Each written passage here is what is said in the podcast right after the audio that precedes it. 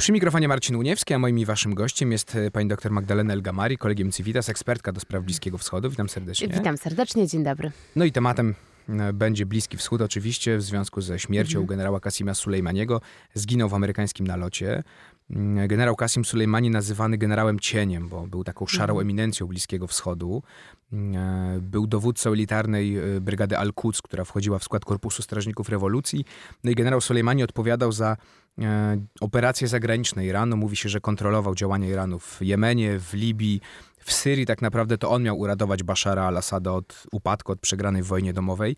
Mm, Irak miał być Pewnie troszkę jest to przesada, ale Irak miał być takim jego udzielnym państwem wręcz, bo on miał po prostu decydować, co się dzieje w Iraku, kontaktować się z politykami irackimi najważniejszymi. Mm, no ale wpływy Iranu też na przykład do Nigerii sięgały Korpusu Strażników Rewolucji, więc postać bardzo ważna, ale wydaje mi się, że może nawet ważniejsza nie jako dowódca wojskowy, tylko jako właśnie symbol, pani mhm. doktor, prawda? Jako I symbol, chyba symbol tak. jeszcze teraz po śmierci jeszcze ważniejsza niż za mhm. życia. Właśnie chciałam się do tego odnieść, bo to, co pan przedstawił, e, absolutnie wszystko, wszystko jest prawdą, ale chyba należałoby też podzielić poniekąd jego rola na Bliskim Wschodzie, która już została wspomniana, to, że jego ta gwiazda i to, że ten taki element propagandowy, on został mimo wszystko wykreowany na Zachodzie. I dużo częściej mówi się o nim właśnie na Zachodzie niż na samym Bliskim Wschodzie. Postać, e, którą moglibyśmy określić, że jest to postać niedotknięcia, którą chociażby strona Izraela nie odważyła się nigdy dotknąć. Postać znana, jeżeli chodzi o walkę z oddziałami Daesh, tak zwanego państwa islamskiego. Postać, która jednocześnie e, widziana jest w dwóch odcieniach. Jako bojownika o wolność, bojownika o sprawę irańską, ale jednocześnie walki z terrorystami. Ale zdajemy sobie sprawę, jak sytuacja wygląda na Bliskim Wschodzie. Dziś jesteś terrorystą, jutro jesteś bojownikiem, a jutro będziesz, a pojutrze będziesz sojusznikiem. Więc niestety patrząc na taki konglomerat wydarzeń i chociażby samą śmierć e, nie tylko generała Sulejmaniego, ale również innych postaci, które są dosyć ważne dla bezpieczeństwa nie tylko Iranu, e, oddziałów e, szyickich, czy chociażby kwestii regionalnych, wydaje się, że też po prostu należy wspomnieć, że w momencie jego śmierci staje się on jeszcze większym symbolem i, i staje się bardzo mocno wykorzystywany propagandowo. To widzieliśmy chociażby na E, chociażby na jego pogrzebie. Pogrzeb, I który tak naprawdę ten kondukt przemierzył Irak, Iran, prawda? Największy pogrzeb, jaki mieliśmy okazję oglądać. Gigantyczny pogrzeb. Oczywiście w trakcie samego pogrzebu wydarzyła się też katastrofa, e, aczkolwiek zdajemy sobie wszyscy sprawę, że Iran świetnie to rozegra i wykorzysta postać samego generała do swojej propagandy sukcesu. Ja nazywam to tak nie, nie, trochę nieelegancko, ale zdajemy sobie sprawę, że każdy, nawet na śmierci swojego bohatera, bojownika, osoby, która była wierna, będzie będzie chciała wykreować mit, do którego ludzie się będą odnosić. E, I to, co jest bardzo ważne, to się już wydarzyło. Czyli w dniu przedwczorajszym i w dniu wczorajszym już pojawiają się małe bojówki, małe, zorganizowane, paramilitarne oddziały, takie na przykład jak, takie jak Brygady Mohendis, takie jak Brygady Bojowników Husseina, które mówią, że będą, doniosą, e, odniosą się do kwestii śmierci samego generała i będą go, e, będą go mścić. To jest bardzo, bardzo ciekawe. Tych brygad na razie ja zaobserwowałam dwie. One powstały w Iraku i to, co jest bardzo ważne, co się będzie działo dalej. Więc mamy śmierć samego generała jako przyczynek do rozmowy. Na Bliskim Wschodzie cały czas jest gorąco, ale nikt się nie odważył na taki ruch. Został zabity człowiek, został zabity człowiek wręcz z pogwałceniem prawa międzynarodowego, bo jest to ruch absolutnie wyprzedzający. Amerykanie zrobili coś, czego nie do końca chyba skonsultowali. Pojawiły się też takie informacje nieoficjalne, że mhm. Sulejmani przyjechał do Iraku żeby rozmawiać z Amerykanami o uspokojeniu sytuacji, więc de facto przyjechał posłaniec który został dyplomatycznie, który został. No właśnie, pani doktor, to skupmy się na tym. Oczywiście nie siedzimy w głowie tak. Donalda tak. Trumpa, ale czy zgadza się pani z tym, co chyba większość ekspertów twierdzi, mm. że mhm. Trump po prostu zdecydował się na ten ruch, żeby sobie poprawić notowania, co mm. zresztą widać, bo mhm. zmniejszyła się z 10 do 4% przewaga między, znaczy różnica między nim a Joe Bidenem, czyli na razie wydaje się, lokalna, że tym czarnym koniem demokratów. amerykańska. E, no właśnie, bo Izrael się nie zdecydował. Amerykanie Nigdy. mieli, wydaje mi się, w 2008 roku okazję, żeby zabić generała Sulejmaniego. ale, I chęć, ale, ale nie zrobili właśnie. tego. Nawet Absolutnie. George W. Bush, nazywany Jastrzębiem, Absolutnie. nie zdecydował się na to. No właśnie, jak pani myśli, co, co tu pchnęło Trumpa? Czy faktycznie mhm. polityka zagraniczna wykorzystana do spraw wewnętrznych? Mhm. Mi się wydaje, że był to ruch, który właśnie nie tylko poprawił notowania e, Donalda Trumpa. E, jest to też e, wydarzenie, które poniekąd odwraca uwagę od kwestii lokalnej samego impeachmentu. Jest to kwestia, która pokazuje Donalda Trumpa trochę w innym cieniu. Czyli ja potrafię też dokonać uderzenia wyprzedzającego, potrafię podjąć bardzo trudne decyzje. Donald Trump zasłynął, jeżeli możemy tak to określić, jako prezydent, który na razie nie wywołał żadnej wojny. Więc to jest dosyć ciekawe. Jako prezydent, który.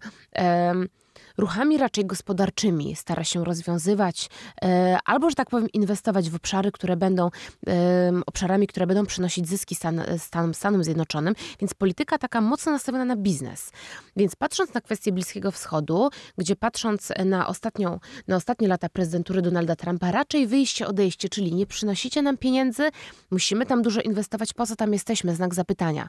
Czyli nie roli mocarstwa, e, jakim są Stany Zjednoczone w kontekście stabilizatora e, utrzymującego pokój na świecie. Ja wiem, że to takie trochę e, górnolotne stwierdzenie, aczkolwiek tak określa się Stany Zjednoczone w takiej regionalnej, geopolitycznej i regionalnej polityce, więc na pewno użyteczne dla kwestii zacierania, zamywania tematu lokalnego dla zdobycia większego poparcia, czyli zabiłem terrorystę. A Amerykanie nie do końca chyba wiedzą, kogo on zabił. Więc patrząc na to, zdajemy sobie sprawie, sprawę, że w, um, obszarze, w obszarze nie tylko mass mediów, ale w obszarze przede wszystkim, gdzie walka informacyjna i propaganda jest na bardzo wysokim poziomie, możemy niestety ludziom powiedzieć wszystko i to jest przerażające. I bardzo też polecam e, naszym, naszym słuchaczom, żeby zobaczyli, jaka jest ta narracja amerykańska. Ona jest absolutnie odmienna od narracji zachodniej europejskiej, a jeszcze polecam zobaczyć narrację, narrację arabską, która jeszcze absolutnie odbiega od tych relacji, czyli spróbować podejść do tego zasadą złotego środka, zobaczyć, co się pisze tam, no bo na tej podstawie ludzie wywierają e, swoje osądy i, i, że tak powiem, konkludują jakieś działania Donalda Trumpa, bo dla nich on po prostu zabił terrorystę. Kwestia, że walczył z Daesh, że e, pomagał, pomagał poszczególnym grupom i, i, dzięki niemu, że tak powiem, nawet Stany Zjednoczone mówiły o sukcesie zabicia, e, po, po, uzyskania, że tak powiem, terytorium na e, Bliskim Wschodzie i pozbycia się Daesh e, jest bardzo znaczące, ale to już się nie przebiło w tym przekazie medialnym. Więc tutaj bym się zgodziła, ale też widzę trochę innych takich obszarów, które są ukryte. I, I ja zdaję sobie sprawę, że tego jest, e, że tego jest dużo i, i tych tematów jest dużo, ale nie tylko rola Stanów Zjednoczonych, ale sytuacja, która wyniknęła między Irakiem, Iranem a Stanami Zjednoczonymi, wywiera na sojusznikach i nie tylko, bo mówimy też o kwestii tureckiej i rosyjskiej, kwestii rewizji swojej polityki zagranicznej. I ona jest kluczowa. Doktor Magdalena Elgamari, my do rozmowy za chwilkę powrócimy. Marcin Uniewski przy mikrofonie, to jest druga część Róży Wiatrów, doktor Magdalena Elgamari, Kolegium Civitas, ekspertka do spraw Bliskiego Wschodu, a rozmawiamy oczywiście o śmierci generała Kasima Soleimaniego i o e, konsekwencjach, jakie ta śmierć może, czy skutkach, jakie ta śmierć może e, wywołać w regionie. Gdybyśmy mieli, pani doktor, tak, e, ja wiem, nieduże dni minęło od śmierci generała, ale gdybyśmy mieli podsumować to, co wydarzyło się do tej pory, plusy i minusy dla mhm. Amerykanów. Opłacało się Amerykanom tak mhm. naprawdę to, co zrobili? Bo okej, okay, zabili człowieka, który dowodził tajnymi operacjami Iranu, tylko Kasim Sulejmani miał swoich ludzi, miał swoich zastępców, którzy mogą tak. kontynuować jego dzieło. I już Myślę, że bez problemu. no właśnie. Zgadza się. Ira iracki parlament, y, no relacje amerykańsko-irackie już były powiedzmy y, napięte. Tak. Teraz iracki mhm. parlament wezwał rząd Iraku, żeby poprosił, mówię troszkę eufemistycznie, zagraniczne mhm. siły, żeby opuściły Irak. Pewnie Amerykanie nie opuszczą tego Iraku od razu, albo w ogóle nie opuszczą, no ale generalnie te stosunki jeszcze są mhm. Mm, osłabione. No właśnie, opłaca... Ale to, co pan redaktor zrobić... powiedział, jest niezwykle kluczowe. Pamiętajmy, że w 2003 roku rozpoczyna się operacja reagowania kryzysowego, mhm. utrzymanie, stabilizacja pokoju. Później jest ona zastąpiona przez misję raczej szkoleniową, gdzie należy przypomnieć, że od 2016 roku e, cały czas nie tylko są e, nasi polscy żołnierze na miejscu, ale też szkolą się, pomagają, mają e, bardzo dobrą opinię, mimo że zdajemy sobie sprawę, że jest to operacja wojskowa, jest to operacja natowska, jest to szereg działań, które są bardzo istotne istotne chociażby z perspektywy sojuszniczych.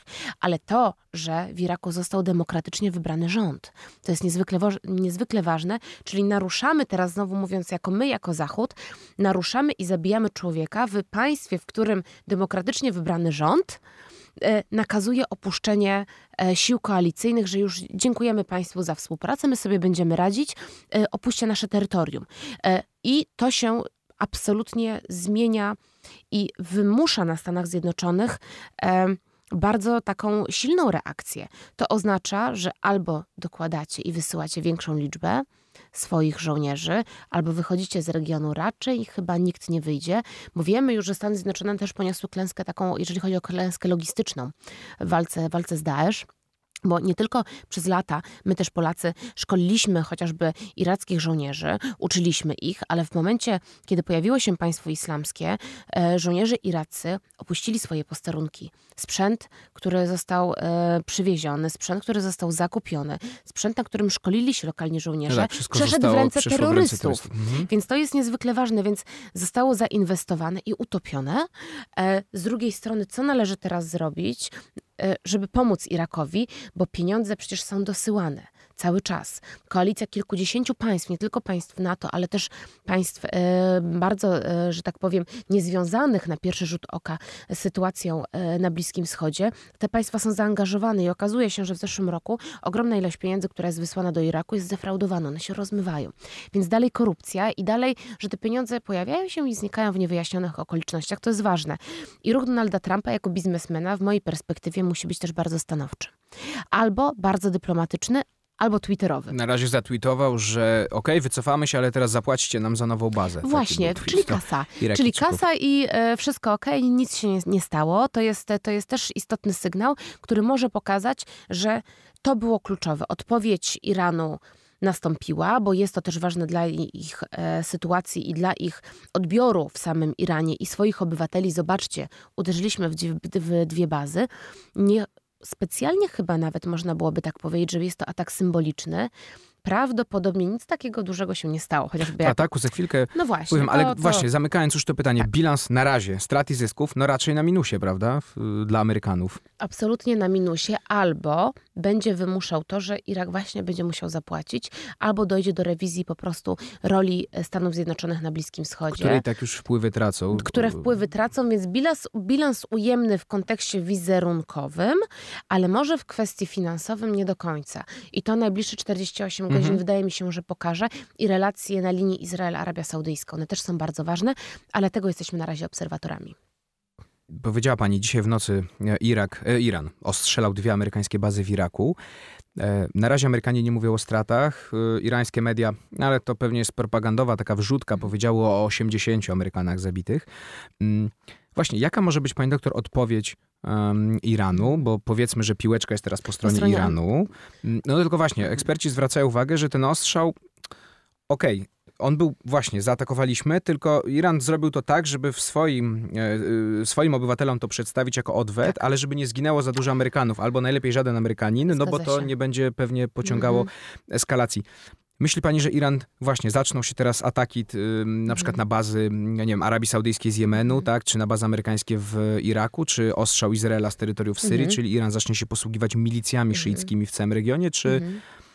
Znaczy, czy to jest, naturalna, do- to, jest, to jest natura, naturalna kolej rzeczy, bo Iran musi pokazać e, niejako swoją siłę, bez względu na swoje możliwości bojowe. Zdajemy sobie sprawy i też unikamy e, używania sformułowania, że będzie to wojna konwencjonalna, wracamy do starych zasad. Wydaje mi się, że Iran tak czy tak prowadzi swoje działania i jest bardzo ważnym graczem w regionie i dalej prowadzi takie małe operacje e, uderzające w poszczególne oddziały transportu, związane z logistyką, związane z infrastrukturą krytyczną, z sieciami dostaw, e, dostaw poszczególnych produktów. To jest niezwykle ważne i to prawdopodobnie się utrzyma.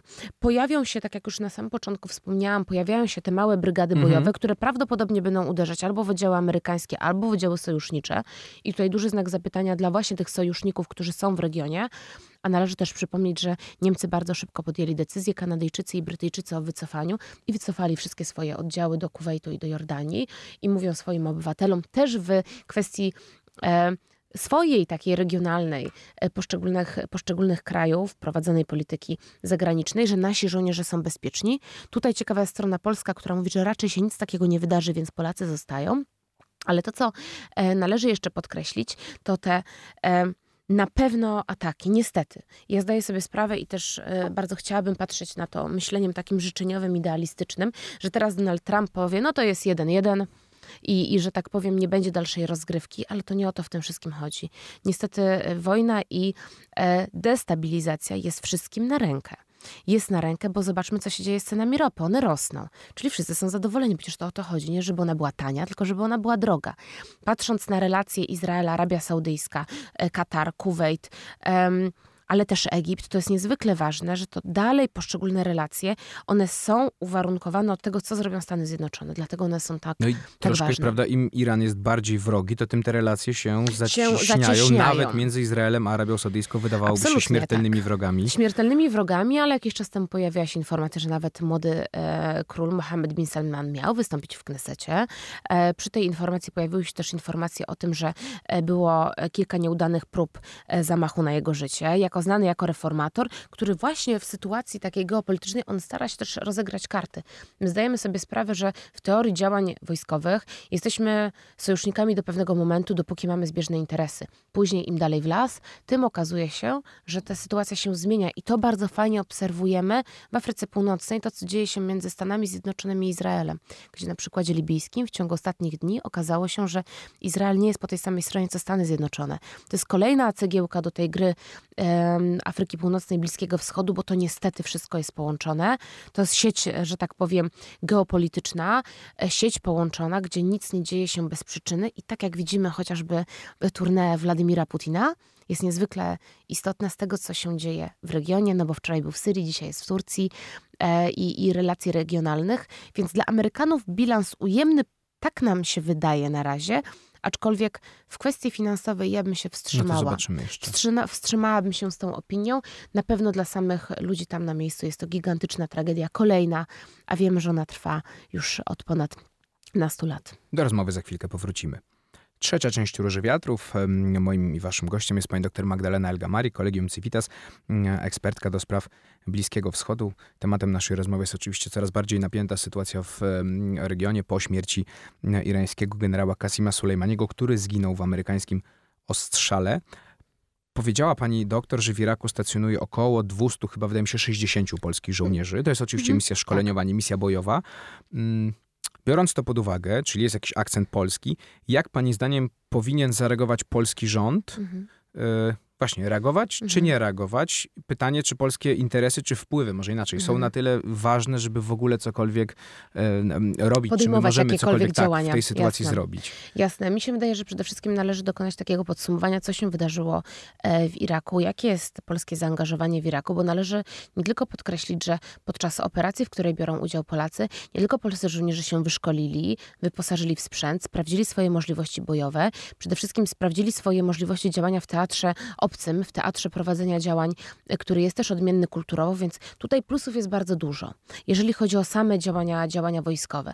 Natomiast jeżeli chodzi o działania i e, kwestie, co spłynęło, że tak powiem, po aktywności tej sojuszniczej, czyli te magiczne kontrakty, czyli te relacje polsko-irackie, to już ten bilans okazuje się aż nie tak intratny dla, dla strony polskiej. Dlatego wydaje mi się, że tak najbardziej chyba obiektywnie byłoby wykonać po prostu takie podsumowanie ostatnich kilkunastu lat z aktywności polskiej, czyli ile żeśmy faktycznie pieniędzy em, dorzucili do, do sytuacji na Bliskim Wschodzie, zobaczyli, jak wygląda sytuacja w krajach ościennych, e, zrobili podsumowanie i się zastanowili, czy to dalej nam się to opłaca. Bo to, że my musimy być w regionie i jesteśmy jednym z graczy, tak, ale czy jesteśmy aż tak ważnym graczem? Zadałabym sobie e, tutaj. Zadałabym sobie tutaj pytanie, mówiąc bardzo delikatnie, i zastanowiłabym się, czy jest, czy jest faktycznie potrzeba tego, żeby psuć nasz wizerunek, bo niestety konferencja irańska, która została zorganizowana w Warszawie, już trochę naszarpnęła nasz wizerunek. E, zaangażowanie i, i sojusz ze Stanami Zjednoczonymi propagandowo też naruszył nasz, nasz wizerunek. Pamiętajmy, że on zawsze był bardzo dobry. Lata 70., 80., kontrakty. E, Polacy, którzy zawsze słynęli z bardzo dobrej opinii jako świetnych fachowców, którzy, ludzi, którzy są gościnni, pomagają. Bardzo, że tak powiem, wiele lat buduje się dobry wizerunek, ale bardzo łatwo go zniszczyć. Walczyć. A my pamiętajmy, że poprzez perspektywę munduru i chociażby perspektywę sojuszniczą, gdzie nie mamy niestety nic do powiedzenia, możemy bardzo zmienić. Czy to trochę idzie na nasze konto, Mm. prawda? Co zrobią Idzie. Amerykanie, to przy okazji Niestety też idzie. y, Polacy. Niestety, niestety idzie i bez względu, czy jest nas tam około 100, 200, 300 osób, czy to będzie około 1000, 1000 żołnierzy, każde ludzkie życie jest bardzo, bardzo istotne. A pamiętajmy, że bodajże od 2016 roku żaden żołnierz polski nie zginął Mhm. i ja wolałabym nie No tak, usłyszeć, że żaden, oczywiście. żaden kolejny, kolejny zginie. Kończąc, pani doktor, już w takim razie, czy z tej sytuacji jest dobre wyjście? Bo mm, właśnie Iran na razie odpowiedział. Teraz pytanie, czy nie odpowiedzą Stany Zjednoczone i wie pani, troszkę to No, może być jak jest, efekt kuli tak. śniegowej, która za chwilę Mhm. może doprowadzić, no, może nie do wojny takiej konwencjonalnej, ale może doprowadzić do Mhm. jeszcze większego zaostrzenia. Czy myśli pani, że ktoś w końcu powie Mhm. stop? Mhm. Mi się wydaje, że nikt nie powie stop. Na pewno będą to działania asymetryczne. W myśleniu życzeniowym bardzo chciałabym, żeby Donald Trump teraz, że tak powiem, dyplomatycznie się spotkał ze stroną irańską, przegadali temat i się dogadali biznesowo, może jakaś sprzedaż Jong-unem się broni. spotkał, to No, może dokładnie. się spotkać. Więc może tak, a, jest, a Donald Trump jest znany też z zachowań, które są nieprzewidywalne. Więc bardzo bym chciała, żeby jednak ten kierunek dyplomatyczny e, był możliwy. Dyplomatyczny, czyli bez użycia siły. Natomiast strona irańska tak czy tak, bez względu na to, jakie są relacje amerykańskie, tam cały czas się coś dzieje, bo pamiętajmy, że e, tak samo e, nie tylko państwo islamskie, ale inne organizacje terrorystyczne nie zostały, nie zostały pokonane. Tam dalej się dzieje. Tam dalej, że tak powiem, to zagrożenie jest bardzo rośnie w wysokie. siłę. Al-Kaida rośnie w że- siłę. Nie tylko. Jest tam rzesza organizacji, które chciałyby zastąpić nie tylko Daesh, ale samo, samo Daesh się zreformowało, zreorganizowało. Ja bym zasugerowała takie stwierdzenie, że się wyspecjalizowało, podzieliło, zdefragmentowało się i jest jeszcze silniejsze, chociaż nie ma terytorium. Ono zupełnie inaczej działa, o tym należy pamiętać i że chociażby e, są tam polscy żołnierze, to też jest niezwykle istotne. Natomiast druga jest taka sytuacja, że Donald Trump podejmie działania konwencjonalne i dalej, że tak powiem, będzie, będzie szedł w kierunku wojny, bo wojna to też jest duży biznes. Więc w tym patrząc, patrząc na to i patrząc, jak są rozlokowane chociażby em, oddziały amerykańskie, wydawałoby się, że Amerykanie mają tutaj duże pole manewru. Ale czy faktycznie na miejscu tam w terenie ono takie będzie? Mocno bym się zastanowiła. Oby do tego nie doszło. Czekamy, że tak powiem, obserwujemy na, na tweeta Donalda Trumpa albo tego, co się wydarzy, bo zamachy tam na miejscu niestety cały czas będą. Doktor Magdalena Elgamari, Colgium Civitas, bardzo dziękuję Dziękuję bardzo. Ja się nazywam Marcin Uniewski, a my się słyszymy oczywiście w środę za tydzień.